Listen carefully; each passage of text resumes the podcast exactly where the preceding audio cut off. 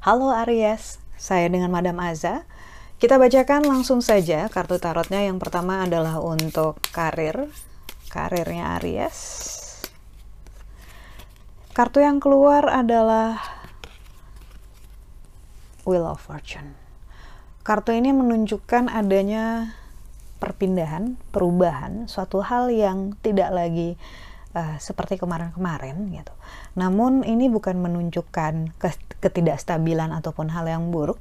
Perubahan ini hanya menunjukkan siklusnya lagi berubah nih, lagi berganti gitu. Kalau kemarin ngurusin A, besok-besok akan mulai ngurusin B ataupun kalau misalnya kemarin handle klien yang A, nanti berubah dengan handle yang uh, handle klien yang C.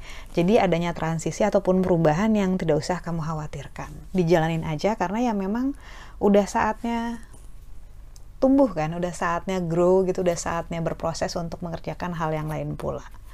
Kemudian untuk percintaannya Aries, kartu yang keluar adalah Temperance.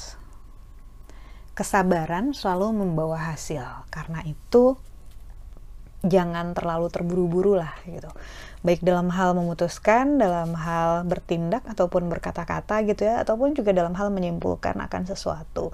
Sabar aja dulu, dilihat aja dulu, nggak selamanya kamu harus act on it gitu. Jadi nggak harus dikerjain, nggak harus diomongin gitu.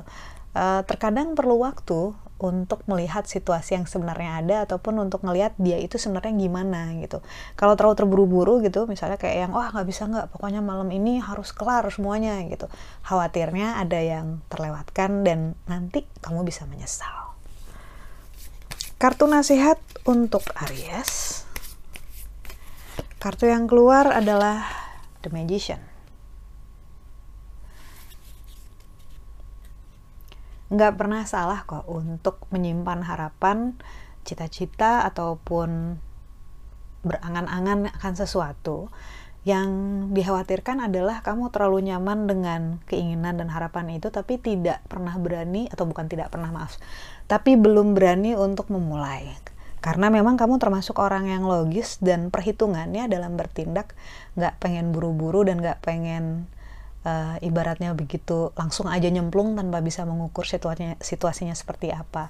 Itu adalah hal yang bagus, kelebihan dari kamu, namun harus diingat bahwa pada akhirnya toh kalau misalnya kamu ingin maju, ya harus dimulai juga, harus dilaksanakan juga dan harus mengambil resiko.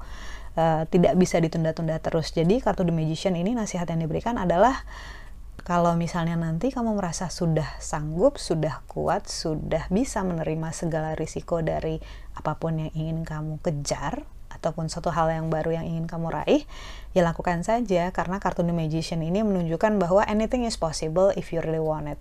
Kalau kamu benar-benar ingin, bisa. So, trust yourself, lebih percaya sama diri sendiri.